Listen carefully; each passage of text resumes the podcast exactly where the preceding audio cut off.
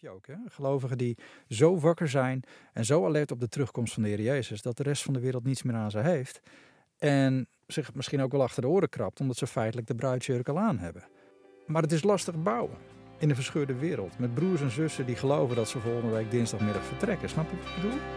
Een podcast voor kerkgangers, kerkverlaters en kerkelozen. Aangebreken. In een onzekere wereld waarin veranderingen elkaar versneld opvolgen en ons samenkomen, zingen en beleven steeds vaker onder druk komt, is een bijbelse koers houden een must en een kompas. Tuurlijk, het is jouw leven, het is jouw schip, maar de beste stuurlui, die hebben een loods. Mijn naam is Benaya en ik vaar graag een handje met je mee. Hoi, tof dat je weer luistert naar Hagenpreken. Ik weet niet of je net bent aangehaakt of al een tijdje deze podcast volgt, maar als dit laatste het geval is, even een korte recap. We zitten alweer in seizoen 3 van Hagenpreken podcast, waarin elk seizoen zo zijn thema heeft. En voor dit seizoen kozen we opgroeien in het verborgen koninkrijk. Oké, dat was wel een beetje omdat mijn dochtertje dat spannend vond klinken, maar het benoemt eigenlijk een realiteit die veel van ons niet dagelijks op een netvlies hebben. Want bijbels gesproken is ons eerste staatsburgerschap natuurlijk niet Nederland. We zijn geen Nederlanders in die zin. De Oranjes staan niet vooraan als koningshuis, maar we dienen eerst, om het Wilhelmus te citeren, de hoogste majesteit te obediëren in de gerechtigheid, zoals dat zo mooi wordt gezegd, al dus de laatste strofe van het uh, Nederlands volkslied. En daarmee doelde de schrijver op de Heere God. Dat is onze eerste loyaliteit en dat is het eerste koninkrijk. Het is lastig dat aan de man te brengen en levend te houden, merk ik. Vooral omdat voor veel christenen dit uh, ja, toch wel een beetje een theoretische werkelijkheid is. Een geloofsbeleidnis, zonder meer. Maar niet een bewustzijn waar ze mee opstaan en weer naar bed gaan. Het is hoogstens iets wat men weet, maar niet beleeft. Zeg maar niet echt werkelijk tot in de tenen voelt en beleeft elke dag. Het feit dat er een hemelse stad is, de grote stad waar de absolute Heer en Schepper en Meester van het hele universum zitting heeft, met een troonzaal en een hemelse raad van oudsten en honderdduizenden engelen die daar niet als een stelletje pafferige babytjes met vleugeltjes rondflabberen, maar echt wel heel intimiderend krachtige wezens zijn, van enorme gestalte, maar die zelf zichzelf neerwerpen voor die ontzagwekkende heerser op de troon. Ja, dat houdt ons allemaal niet bezig.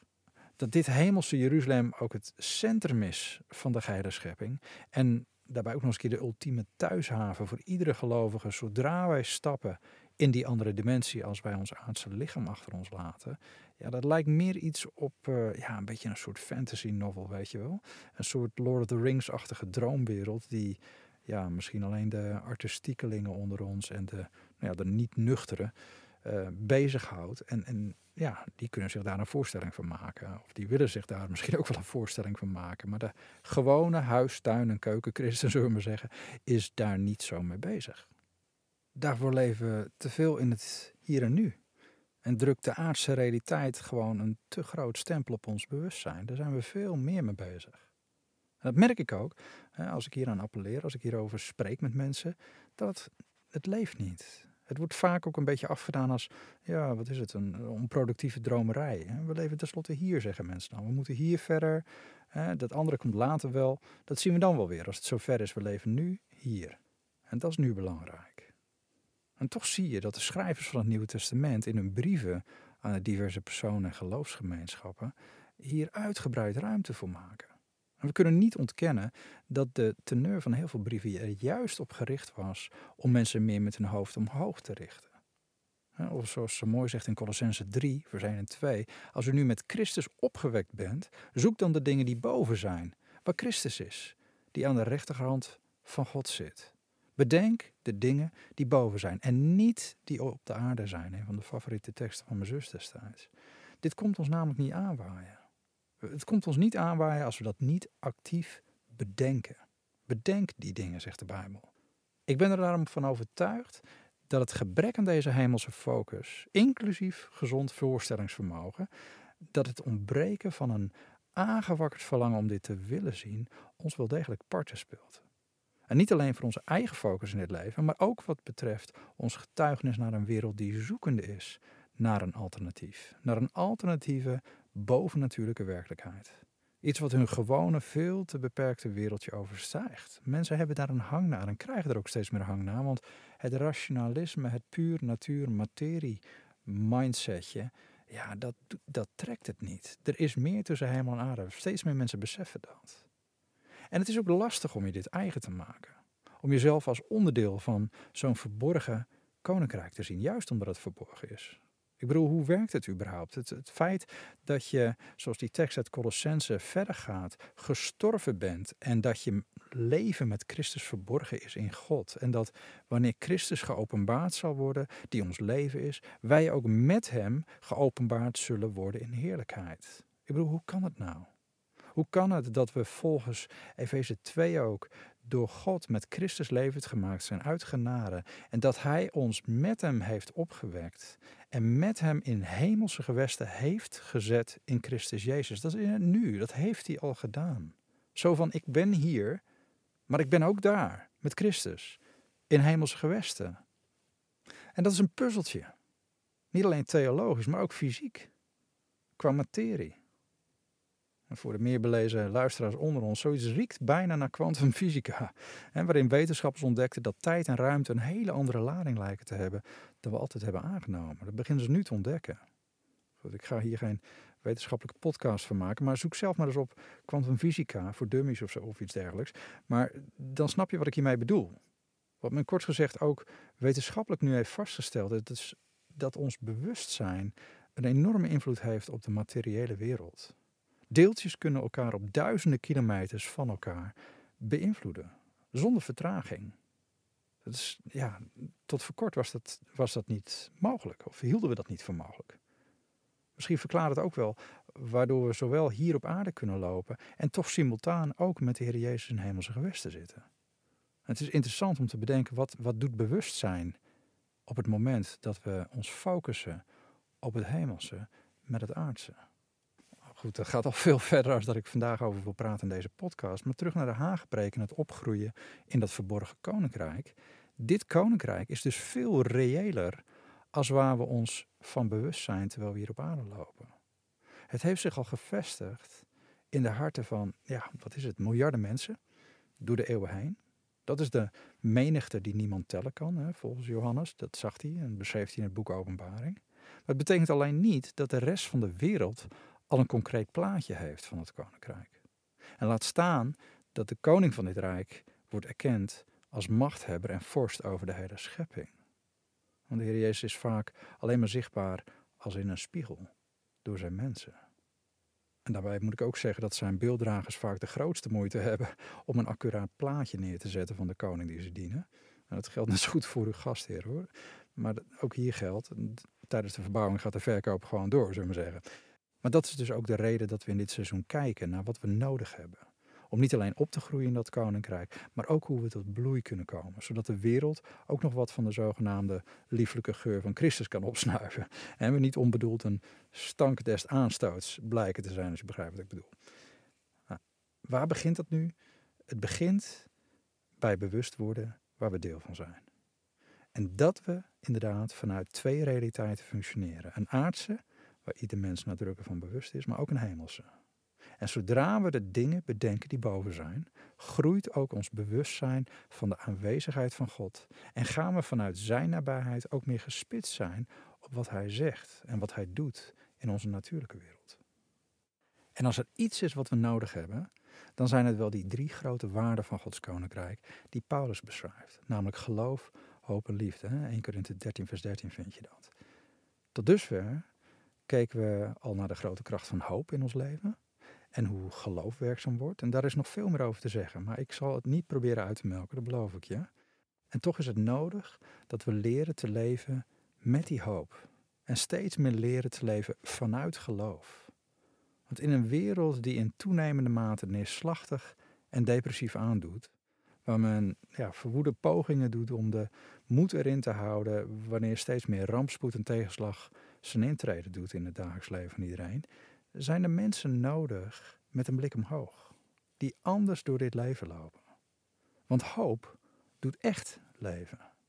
Het is een, ja, wat zou ik zeggen? Het is als een soort antivirus tegen depressie en neerslachtigheid. En geloof ook, dat geeft een impuls om de tegenslag en de onoverkomelijkheden van de realiteit van het nu te overtroeven. Omdat geloof voorbij natuurlijk vermogen en wilskracht gaat. Geloof tapt gewoon uit een ander vaatje. Geloof stapt uit op de woorden van God, zodat er bovenmenselijke, niet-natuurlijke veranderingen kunnen plaatsvinden. Ik heb tal van voorbeelden van in mijn eigen leven ook gezien. En niet alleen heeft de wereld het nodig, we hebben het zelf ook nodig, als christen. Je kan als christen onmogelijk de beperkingen accepteren die de natuurlijke wereld je aanpraat. Of meegaan in de negativiteit en het fatalisme van de wereld om je heen. De koning van het verborgen koninkrijk heeft namelijk zo zijn eigen gedachten over onze situatie en over onze wereld. En dat zijn gedachten van vrede en niet van kwaad, om ons een hoop en een toekomst te geven, hè? zeg Jeremia 29 vers 11 zo mooi. Alleen dat al zou een bepaalde verzetsmindset in je moeten bouwen. Een andere geest. Een soort koppige weigering om je bij de status quo neer te leggen, wat het ook is in je leven. Want God is er nog niet klaar mee. God is nog niet klaar met jou. Niet met jouw omstandigheden en niet met jouw leven en niet met mijn leven. Het feit alleen al dat je er nog bent, wil zeggen dat je nog een functie hebt aan deze kant van de eeuwigheid. En dat zou de burger van Gods Koninkrijk moed moeten geven, zeg ik dan. En ik heb geen makkelijk praten, zoals de trouwe luisteraars van Hagenpreek inmiddels wel weten. Rampspoed, verlies, beperking van gezondheidstechnisch ook. Dat is me allemaal niet vreemd. Maar ik ben er nog. En jij bent er nog. En dat betekent dat we nog even verder moeten. En de kunst is om de zin vast te houden om door te gaan. Want soms heb je er gewoon helemaal geen zin meer in. Maar dat moet er vanaf.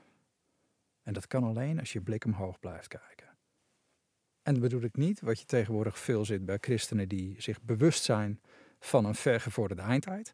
Dat je vooral bezig bent met de zogenaamde opname. De opname van de gelovigen. Want die heb je ook. Hè? Gelovigen die zo wakker zijn en zo alert op de terugkomst van de Heer Jezus. Dat de rest van de wereld niets meer aan ze heeft. En zich misschien ook wel achter de oren krabt. Omdat ze feitelijk de bruidsjurk al aan hebben. Wat trouwens ook op een misvatting berust. Dat wij als bruiloftsgasten, zoals Jezus ons beschrijft, zelf de bruid zijn. Maar goed, dat is misschien eentje voor de Heilige Koek Barbecue podcast, maar die moet nog van start gaan. Maar het is lastig bouwen in een verscheurde wereld. Met broers en zussen die geloven dat ze volgende week dinsdagmiddag vertrekken. Snap je wat ik bedoel? Focus op de dingen die boven zijn. Dat is goed. Maar dan wel met beide voeten in de klei graag. Goed.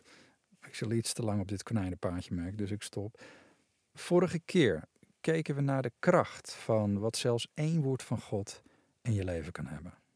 Niet in de minste plaats natuurlijk het opgetekende woord, de Bijbel, maar zoveel te meer een persoonlijk woord, gesproken in het nu. Geopenbaard, als het ware een stukje maatwerk, openbaring van de Heilige Geest van God aan jou. En dit geeft een enorme bevestiging. En het heeft vaak een gigantische impact. Uh, een impact op ons vermogen om uit te stappen in geloof ook. En toch besefte ik me na de laatste aflevering dat misschien er ook wel mensen zijn die zich niet beseffen dat het direct gesproken woord van God tot ons persoonlijk een essentieel onderdeel is van hun christelijke levenswandel. Ongetwijfeld zijn er veel christenen die in God geloven, in het reddingsplan van God, en ook wel het verlangen hebben om te groeien in hun geloof, terwijl ze aan de andere kant niet doordrongen zijn van het feit dat dit geloof alleen maar kan komen doordat ze zijn stem verstaan. Die link wordt niet automatisch 1, 2, 3 gelegd. Maar dat is wel wat de Bijbel ons vertelt. Hè? De tekst die halen we al vaak aan dit, uh, dit seizoen. Geloof komt uit het horen. En het horen uit het woord van God, Romeinen 10 vers 17. De religieuze realiteit laat zien dat er massa's christenen zijn die weliswaar geloven in de Heer Jezus, maar zich op de een of andere manier ermee verzoend hebben om nooit persoonlijk door Hem te worden geleid. Op een manier dat ze voortdurend in afwachting zijn dat Hij weer tot hen gaat spreken. Nou, misschien zeg je, uh, nou Benaya, daar, ben ik eerlijk gezegd ook niet zo uh, nadrukkelijk mee bezig hoor. Weet je, dat snap ik eigenlijk heel goed. Zo'n actieve, luisterende, verwachtingsvolle houding is ook niet iets wat ons bewust wordt aangemoedigd of gecultiveerd in alle kerken en gemeenten. Dat klopt. En daardoor kan geloven ook worden tot iets wat ja, meer een soort instemmen is met wat, uh, wat we voor waar houden of een bepaalde erkenning van iets wat we als realiteit zien. Maar we beamen dat gewoon vanwege omdat het onze geloofsleer is, een doctrine is. En geloven is nu eenmaal niet automatisch iets dynamisch. Sterker nog, ik heb zelfs gemerkt dat degenen die spreken over een geloofsleven in termen als relatie met God, en dat hoor je heel veel, dat ze niet per se zelf die realiteit ervaren van een terugkerende interactie met de schepper. geloven en, en ervaren is twee. En dat snap ik. Maar laten we wel wezen, de drukte van het leven slokt ons allemaal behoorlijk op. En voor je het weet is er weer een dag voorbij en voor je het weet is God weer naar de marges van je tijd geschoven en krijgt hij enkel onze aandacht en onmiddellijke prioriteit als we hem echt even nodig hebben. En dat zijn de momenten dat we verzuipen in ja, nou, onze urgente vragen, onze tekorten of noden of ziekte of pijnen. Allemaal heel logisch, allemaal heel herkenbaar. Maar toch, en Jezus zei het al, de mens zal niet van brood alleen leven, maar van elk woord dat uit de mond van God komt. Matthäus 4:4. Oftewel, je kan niet leven zonder dat God tot je spreekt. Dan beweeg je wel door dit leven, maar je leeft niet echt. En toch verzoenen heel veel christenen zich met deze stilte. Het is niet dat ze zich niet beseffen dat hij kan spreken en misschien zelfs wil ingrijpen op persoonlijk vlak in ons leven, maar ze vinden het gewoon geen must. En daardoor is zijn spreken geen wezenlijk onderdeel van hun christen zijn. Ongelooflijk vind ik dat. Nee, letterlijk. Want, want hoe kun je nou christen zijn omarmen, waarin je wel allerlei religieuze dingen doet, hè, naar kerkelijke samenkomst gaan, bijbel lezen, bidden voor je eten enzovoort enzovoort, zonder dat je ooit een tikkie terugkrijgt vanuit de kant van God, zo gezegd. Dat lijkt me enorm abstract. Enorm frustrerend ook. Ik bedoel, ik zou dan oprecht gaan twijfelen aan het feit of wat ik geloof wel een realiteit is. En, en wat is dan ook de meerwaarde van ons geloof versus elke andere religie, vraag ik me dan af. Maar vreemd genoeg zitten kerken vol met mensen die hoogstens geloven dat God iets laat zien door een preek of een Bijbeltekst die van toepassing lijkt te zijn op een persoonlijke situatie. Misschien weten ze wel dat God persoonlijk tot mensen kan spreken, maar ze vinden dat voor hunzelf gewoon niet per se zo nodig of echt belangrijk. Dat heb ik soms letterlijk gehoord van mensen. Nou ben ik er ook niet happig op om God als een soort hemelse kwebbelkous neer te zetten. Wat sommige medebroers en zussen in de wat vrijere kerkfilialen van hem lijken te maken. Maar de Heilige Geest leidt ons, zonder meer. Soms door een woord, maar soms ook door een heel gesprek. Dat kan. Voor wie dat vreemd in de oren klinkt, moet ik denken aan wat bijvoorbeeld in Handelingen staat. Dat Jacobus aan de gemeente iets aan het uitleggen is en dan zegt: Het heeft de Heilige Geest en ons goed gedacht u verder geen last op te leggen dan de noodzakelijke dingen. En dan maakt hij een lijstje. Zo van: We hebben even een onderontje gehad met de Heilige Geest van God en dit hebben we samen besloten. Wauw, dat staat er letterlijk zo. Dat doet je afvragen: ja, wat was mijn laatste overleg met de Heilige Geest, nietwaar? Um, maar zelfs al ben je nog niet zo intiem met God, dan zal zijn woord ook op andere manieren tot je leven kunnen komen. En God spreekt op zoveel verschillende manieren. In, seizoen 1 van Hagepreken ben ik hier uitgebreid uh, op ingegaan, heb ik aandacht aan besteed. Dus als je er meer over wil weten, zou ik zeggen, scroll nog even verder in de analen van deze podcast. Maar ik hoop in ieder geval dat je wel verlangt om iets van God te horen. Iets wat verder gaat dan alleen Bijbelpapier. Al kan ik me ook wel voorstellen dat je net als ik vroeger gewoon niet zou weten hoe. Hier beleeft bij mij de persoonlijke leiding van God een groot deel van mijn prille christen zijn. Ja, toch wel een beetje een ver van mijn bed verhaal. Ik stond er wel voor open, maar ik zou niet weten hoe. Gelukkig gaandeweg besefte ik me steeds meer dat de Bijbel juist ook het gesproken woord van God een hele duidelijke rol in ons geloofsleven geeft. Zijn woord verandert namelijk onze kijk op zaken. Om Kruif te citeren, je gaat het pas zien als je het door hebt. En je krijgt het pas door als hij een woord spreekt in jouw situatie. In wat jij nu als werkelijkheid ervaart. En wat hij spreekt, creëert iets in de natuurlijke wereld, wat er niet van nature ontstaat.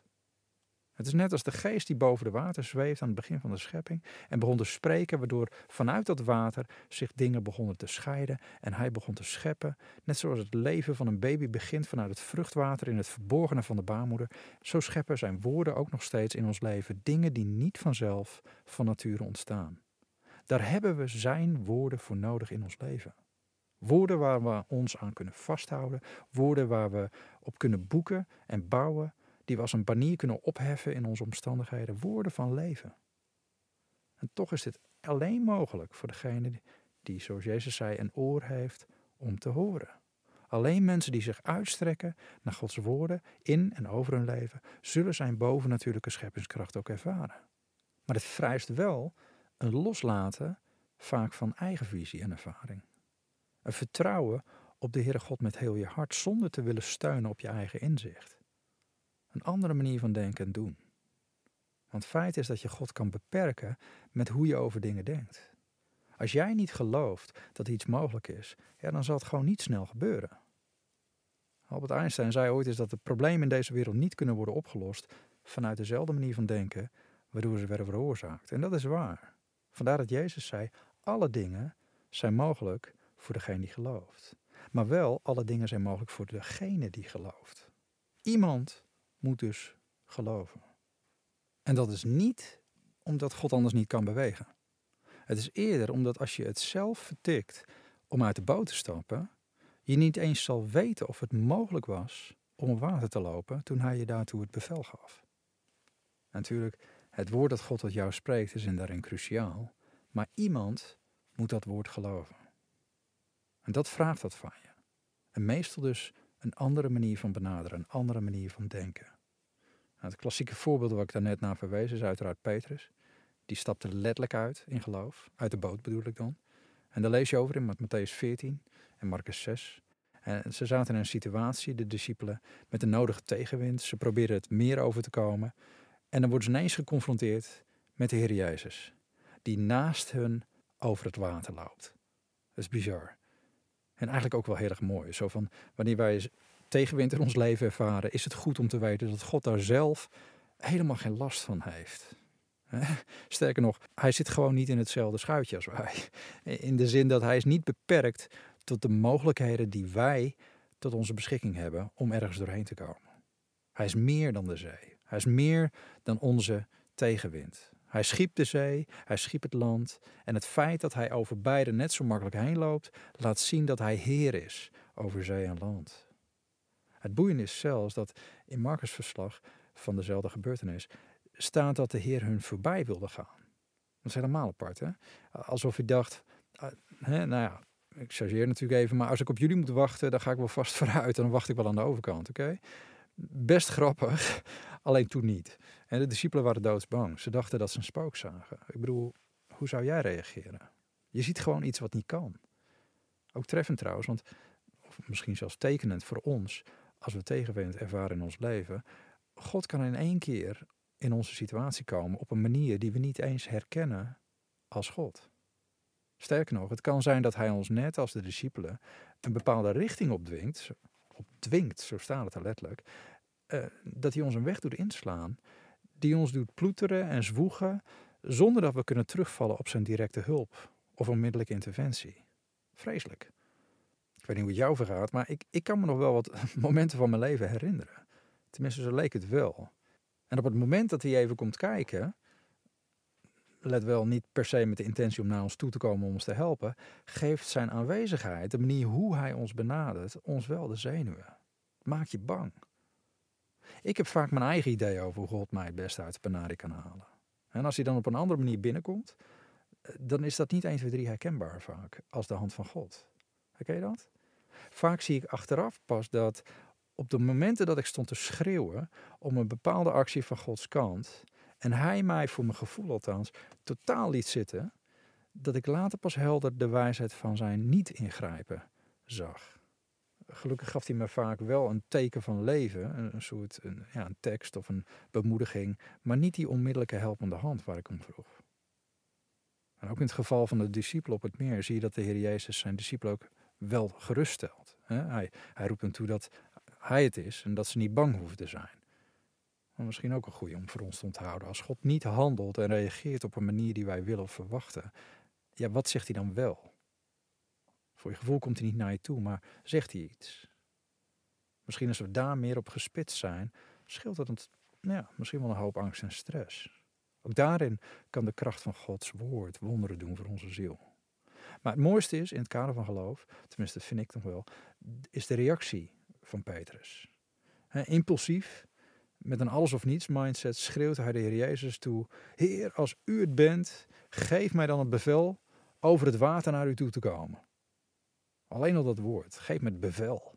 Alsof hij zijn eigen duwtje in de rug wou creëren. Zo van, als de Heer mij beveelt, nou, dan heb ik in ieder geval echt geen keus meer, dan moet ik wel. En dan volgt er iets bijzonders. Jezus zegt dan niet, oh, blijf zitten joh, ik ben er bijna, of ik, ik kom wel naar je toe. Nee, kennelijk vat hij het niet op als sensaties zoeken of, of stoerdoenerij. Hij, hij moedigt het verlangen aan om ook op water te lopen. En dat is misschien wel het meest kenmerkende van God. Iets wat we in de Hebreeënbrief hebben gezien in hoofdstuk 11, het geloofsheldenhoofdstuk, hè, noemen ze dat. God waardeert onze vrijmoedigheid om uit te stappen op zijn woord. Want dat is feitelijk wat Petrus zegt. Beveel u mij te komen en ik stap op het water. Wauw. Nou, laten we eerlijk wezen, wat je ook van Petrus vindt. Wat een lef. En in de manier hoe de Heer Jezus hem benadert en ook na afloop, als hij hem uit het water vist, hè, iedereen kent het verhaal misschien wel, maar dan, dan spreekt hij hem heel coachend toe. Met een, waarom twijfel je? Het laat zien dat hij eigenlijk bijna een soort test met hem deed, waarin je bijna de glimlach proeft van de meester. Maar wel met de feedback van, je geloofde mij toch? Waarom bleef je niet gewoon vertrouwen dat ik niet zomaar een woord spreek, maar dat dit woord ook de garantie is dat het mogelijk is en blijft? Nou, nu hebben bijbelschoolstudenten in het verleden van me eh, hun enthousiasme vaak kenbaar gemaakt door te zeggen, nou, hun eerste geloofservaringen van, oh, in geloven kunnen we op water lopen. En dan zei ik altijd, nee, dat kun je niet. Dan zei ze, wel hoor, want zegt de Bijbel, alle dingen zijn mogelijk voor degene die gelooft. Zeker niet, zei ik dan. Petrus kon alleen uitstappen op het bevel van de Heer Jezus. Oftewel, God sprak eerst en Petrus volgde. Want geloof komt uit het horen en het horen uit het woord van God. En je moet wel een woord hebben. Het geloof dat er voor nodig is om zoiets drastisch te kunnen doen als wat Petrus deed, zoiets extreem bovennatuurlijk zoals op water lopen, is alleen mogelijk op een woord van God. Maar het punt wat ik al eerder maakte is, je hebt ook niet veel nodig. Jezus zei alleen maar, kom. Nu kan ik me wel voorstellen dat Petrus op het moment suprem met zijn kop haar in de harde tegenwind misschien wel even gedacht heeft, je zei toch kom hè, geloof ik. Maar dan is het wel de vraag, als je dat woord hebt, heb je dan ook de bereidheid, net als Petrus, om de rand van de boot los te laten? Het feit is, veel mensen zouden wel op water willen lopen, maar niet iedereen wil die boot uit. De boot is veilig. Misschien niet helemaal droog, een dikke instabiel vanwege alle geschommeld door de golven, maar in ieder geval biedt het nog enige houvast. We hebben graag houvast in onze omstandigheden. En dat kon ook nog wel eens een reden zijn dat veel christenen het niet zo nodig vinden dat God persoonlijk tot hen spreekt. Voorbij die preek of um, misschien hoogstens een bijbeltekst. Want wat als hij iets van mij vraagt wat ik eigenlijk helemaal niet wil? Wat ik niet wil doen? Of dat ik iets moet loslaten? Mijn veiligheid. De vraag is alleen, wat als de koning van het verborgen koninkrijk van jou vraagt om hem te vertrouwen zodat jij zijn kracht en voorzienigheid zichtbaar kan maken aan de rest van de wereld die geen hoop heeft. Puur als voorbeeld. Hm. Oswald Chambers, bekende gelovige, zei: Zien is nooit geloven. We interpreteren wat we zien in het licht van wat we geloven. Geloof is vertrouwen in God voordat je God ziet bewegen. En daarom moet geloof van nature getest worden. Beter kan ik het niet zeggen. De hamvraag is: ben jij klaar voor zo'n test? Of koop je liever oordopjes? Blijven luisteren, blijven koers.